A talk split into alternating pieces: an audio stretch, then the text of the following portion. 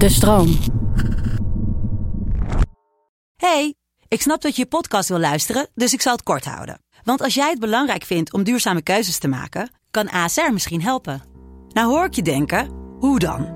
Nou, bijvoorbeeld bij het duurzaam herstellen van schade. Of de premies die we beleggen volgens ons duurzaam beleggingsbeleid. Dat bepaalt waar we wel en juist niet in investeren. Wil je meer weten over welke duurzame keuzes ASR maakt? Ga dan naar asr.nl slash duurzame keuzes. ASR doet het. Zo, dan kan je nu lekker naar je podcast luisteren. Hey, ik snap dat je je podcast wil luisteren, dus ik zal het kort houden. Want als jij het belangrijk vindt om duurzame keuzes te maken, kan ASR misschien helpen. Nou hoor ik je denken, hoe dan? Nou, bijvoorbeeld bij het duurzaam herstellen van schade. Of de premies die we beleggen volgens ons duurzaam beleggingsbeleid. Dat bepaalt waar we wel en juist niet in investeren. Wil je meer weten over welke duurzame keuzes ASR maakt? Ga dan naar asr.nl slash duurzame keuzes. ASR doet het. Zo, dan kan je nu lekker naar je podcast luisteren. Bert, als ik jou vraag, uh, wat is het idee van een multiversum? Wat is daarop jouw antwoord? Dan zou ik zeggen dat een multiversum een hypothetisch gebied is dat uh, een soort van meerdere universa bevat, waarin dan ook ons universum er eentje van is.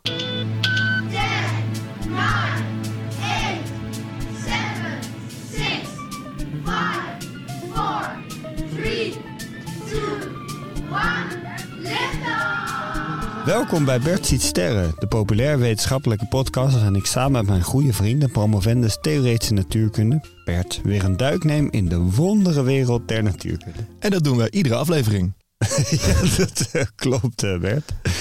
We hebben elkaar afgelopen week veel gezien hè? Zeker, we hebben ons uh, kapot gefietst. Wij hebben inderdaad gefietst. Kapot fietsen zou ik het niet noemen. En we hebben kapot veel plezier gemaakt op de fiets. We hebben kapot veel plezier gemaakt. wij zaten in een huisje in Duitsland met onze goede vrienden mm -hmm. op fietsweekend. Zoals dat gaat, hè? Als je op een gegeven moment uh, boven de 30 komt. En uh, wat mij uh, altijd verbaast als we in deze hoedanigheden samenkomen, is dat jij een heel ander mens bent. Ja? Ja.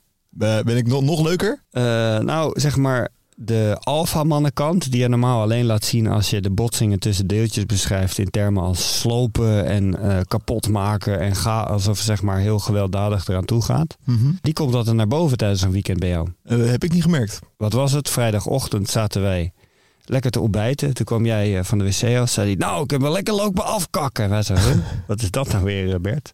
En toen bleek dat dus een rare samenvoeging te zijn, waar ik nog nooit van had gehoord, tussen Tim, masturberen en kakken. En dat het dan heel fijn samenging. En toen dacht ik, deze Bert ken ik dus alleen van dit soort weekenden. Uh, deze Bert ken ik gewoon niet, eigenlijk. Nee, je kan het wel gaan ontkennen. Ja, dat ga ik ook zeker doen. Ik was er vrijdagochtend nog niet eens. Kut, het is wel een hele... Uh.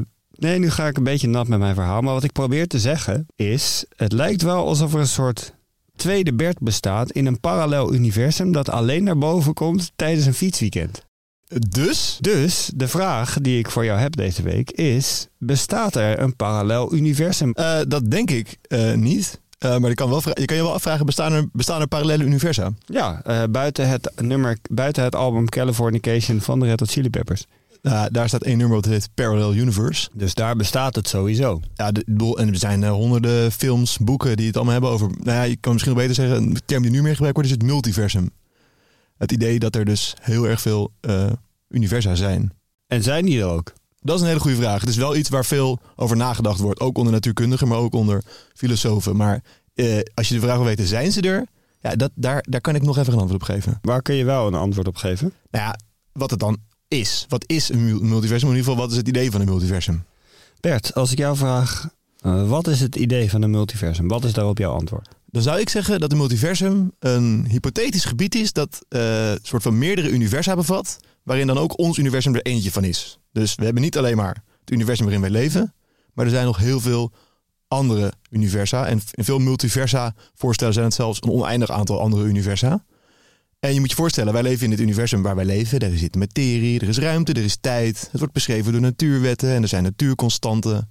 Uh, nou, bijvoorbeeld, we hebben het wel vaak gehad over elektromagnetische krachten. Er is een bepaald getal, ongeveer 1 gedeeld door 137 toevallig, of niet toevallig. Uh, en dat bepaalt hoe sterk de elektromagnetische kracht is. Um, en als je dan uitgaat van het idee van een multiversum, dan stel je dat er ook heel veel andere universa zijn. En die staan los van de onze. En daar hebben deze natuurconstanten hebben andere waardes.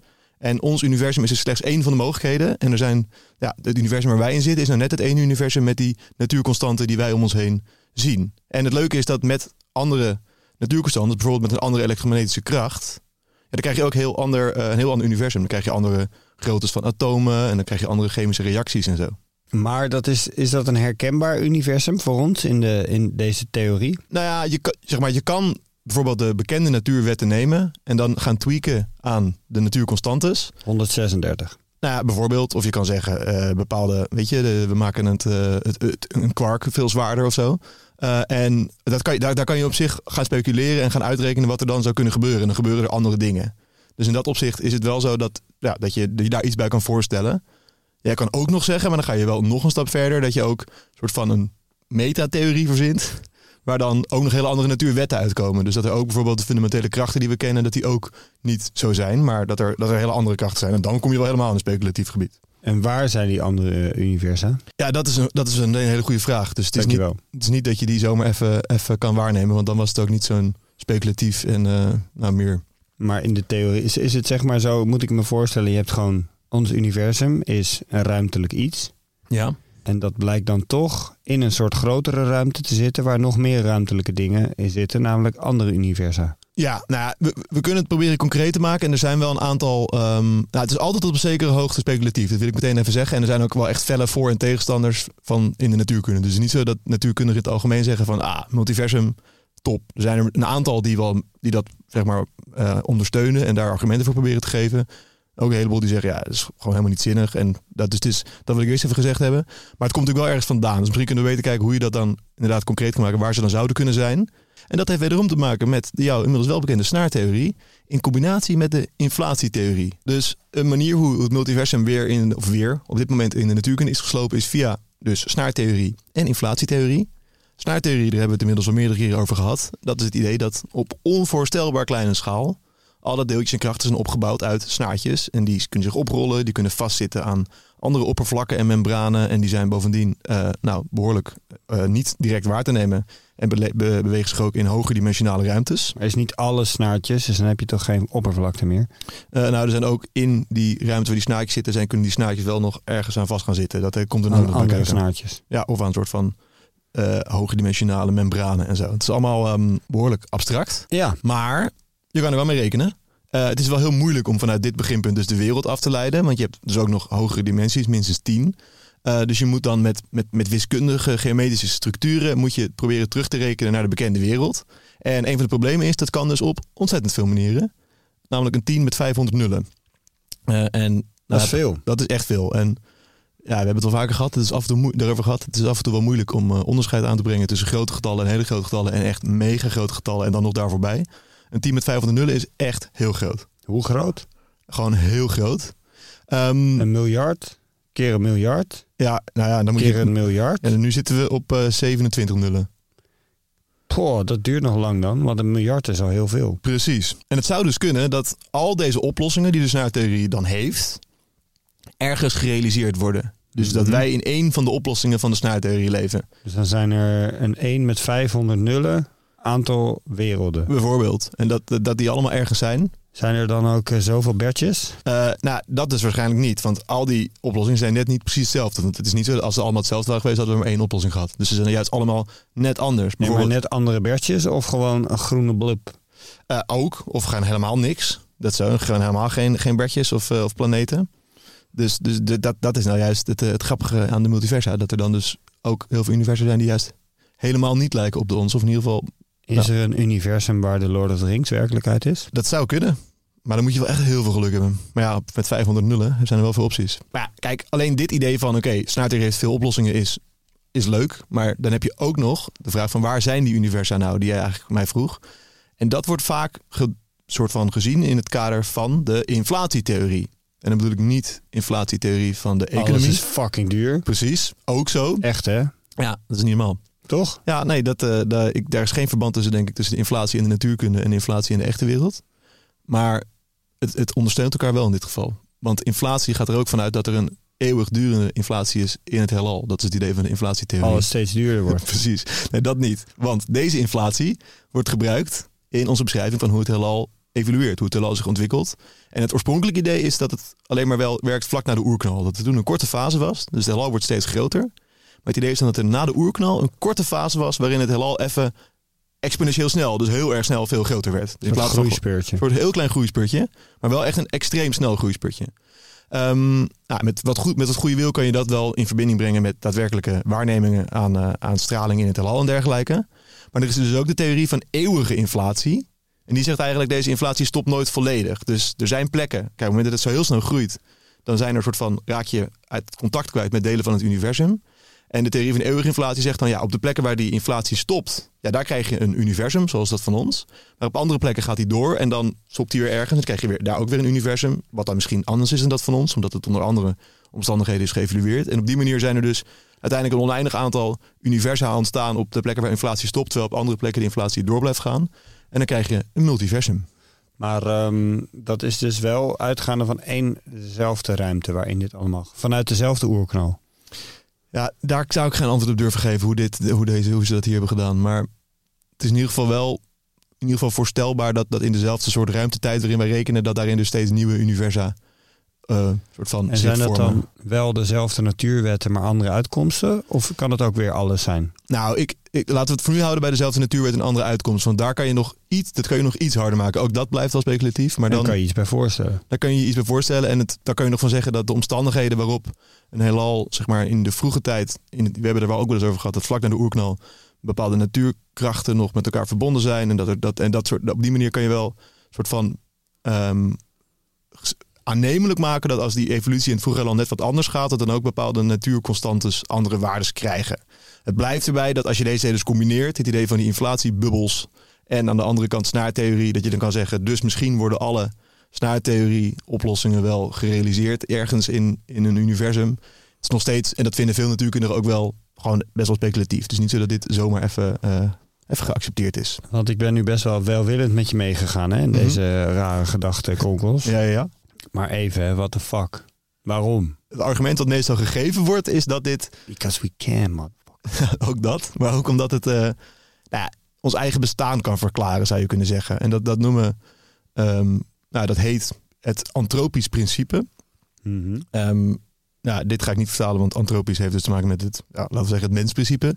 Eh, en in, in de meest zwakke vorm Oh, zeg als het slim klinkt, vertaal je het niet. Jongen, jongen, jongen, jongen, jongen. Ja, het is geen Engels. Anthropos, mens in het Grieks, toch? ja, maar antropisch is wel gewoon een Nederlands woord. Ja, voor slimme mensen is het gewoon het menselijke principe. Ja, maar ja, dat, dat zou je het ook noemen. Maar dan ga je het niet vinden als je gaat googlen. Eh, en in zwakke vorm zegt dit principe... Kijk, wij zijn hier om het heelal waar te nemen.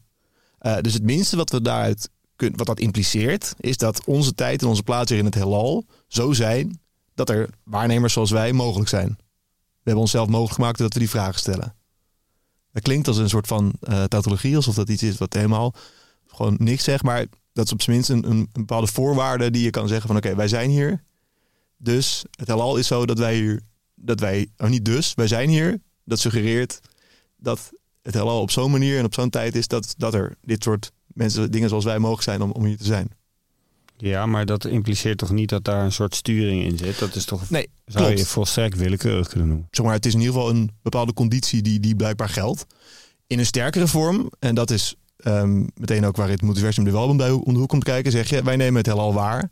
Dus die constantes en de voorwaarden in de natuur, die zijn zo, die hebben bepaalde, liggen binnen bepaalde waarden dat er leven mogelijk is. Dus dan zeg je wel, oké, we gaan hier proberen een soort van argument van te maken. Omdat wij dit kunnen zien, en omdat wij als, als, als menselijk leven deze vragen kunnen stellen, zijn de constantes in de natuur en de beginvoorwaarden in de natuur zo dat er eh, leven mogelijk is. En dat argument heeft eigenlijk alleen zin als je dan zegt: oké, maar dat heeft alleen, dan moeten er ook, dat kunnen we alleen eh, zinnig maken als er ook andere universa mogelijk zijn, waarin het dus die constantes net even anders waren en wij niet eh, er hadden kunnen zijn. Hey, ik zeg niet dat ik dit een goed argument vind, hè, maar dit is een wat raar er, argument. Klinkt een beetje als eh Leibniz, eh, de beste van alle mogelijke wereld argument. Ja, God bestaat, dus als alle ellende is dit de minst ellendige wereld die er kan bestaan. Want God heeft hem zo gewild. Ja, maar je zegt hier niet dat het de minst ellendige is. Kijk, wat het is, als je kijkt naar hoe de natuurkunde nu is opgebouwd. Als die natuurconstanten gewoon net even anders waren, dan had het leven zoals wij dat kennen helemaal niet kunnen ontstaan. En waren wij er dus ook niet geweest om deze vraag te stellen. Dat zit er dan achter. Kijk, kan ik wel eventjes wat, wat concreter maken met een physical fun fact. Alle atomen, behalve waterstof, hebben neutronen in de kern. En het neutron is dan weer opgebouwd uit quarks. Deze quarks, zoals het downquark, hebben een specifieke massa.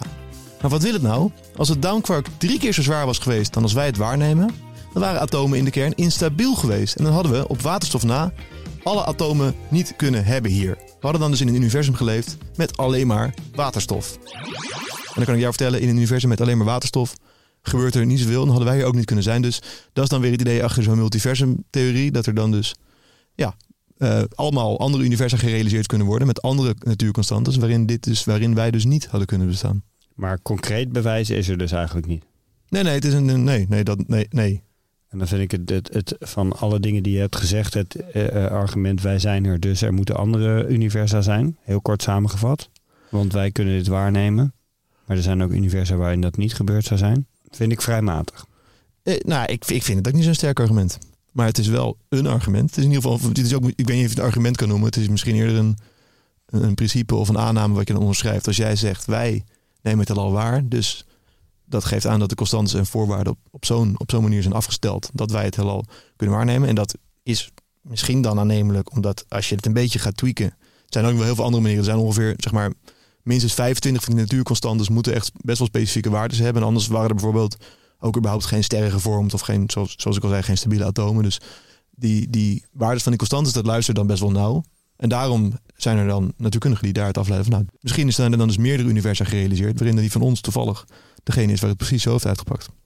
Of niet toevallig, maar in ieder geval dat is dan dus niet meer toevallig is hun redenatie. Um, als je zeg maar een reis maakt door de kosmos, je gaat vertrekt van de aarde en je zoomt steeds verder uit, Mhm. dan duurt het niet lang voordat je je heel erg nietig gaat voelen en heel erg zinloos. Ja. Uh, als uh, blauw balletje bij een klein sterretje Mhm.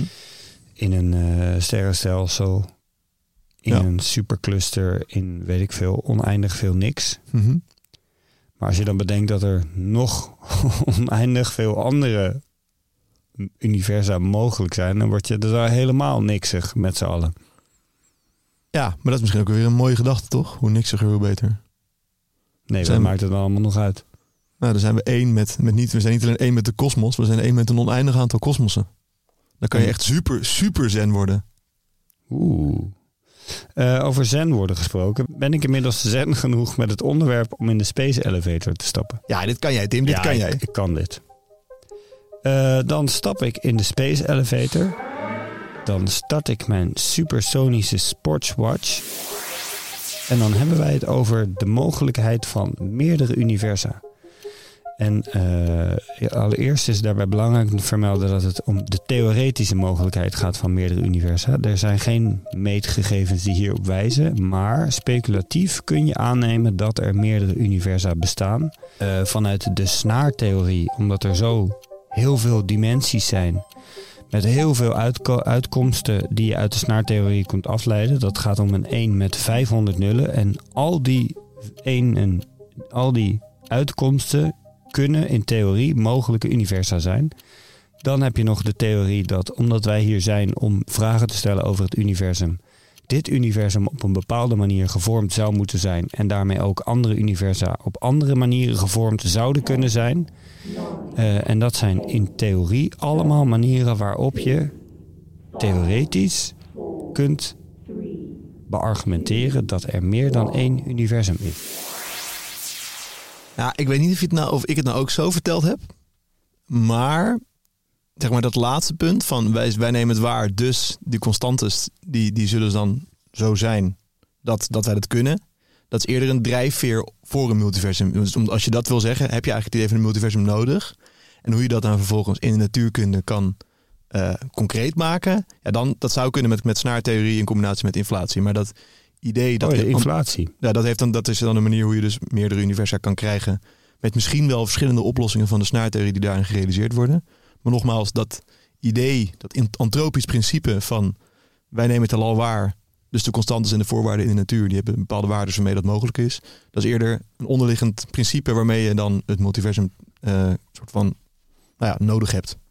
In plaats van dat het een uitwerking ervan is. Maar voor de rest vond ik dat je lekker bezig was. Ik vind het wel een wonderlijk toeval dat wij hier zitten, Bert. Niet alleen in de bewoonbare zone op een planeet vlakbij een ster, waardoor het lekker warm is, maar niet te warm. Maar ook nog dat alle natuurwetten zich precies zo gevormd hebben dat wij nu hier dit gesprek voeren. Precies, dan moet er wel meerdere universa zijn. Dit was Bert ziet sterren.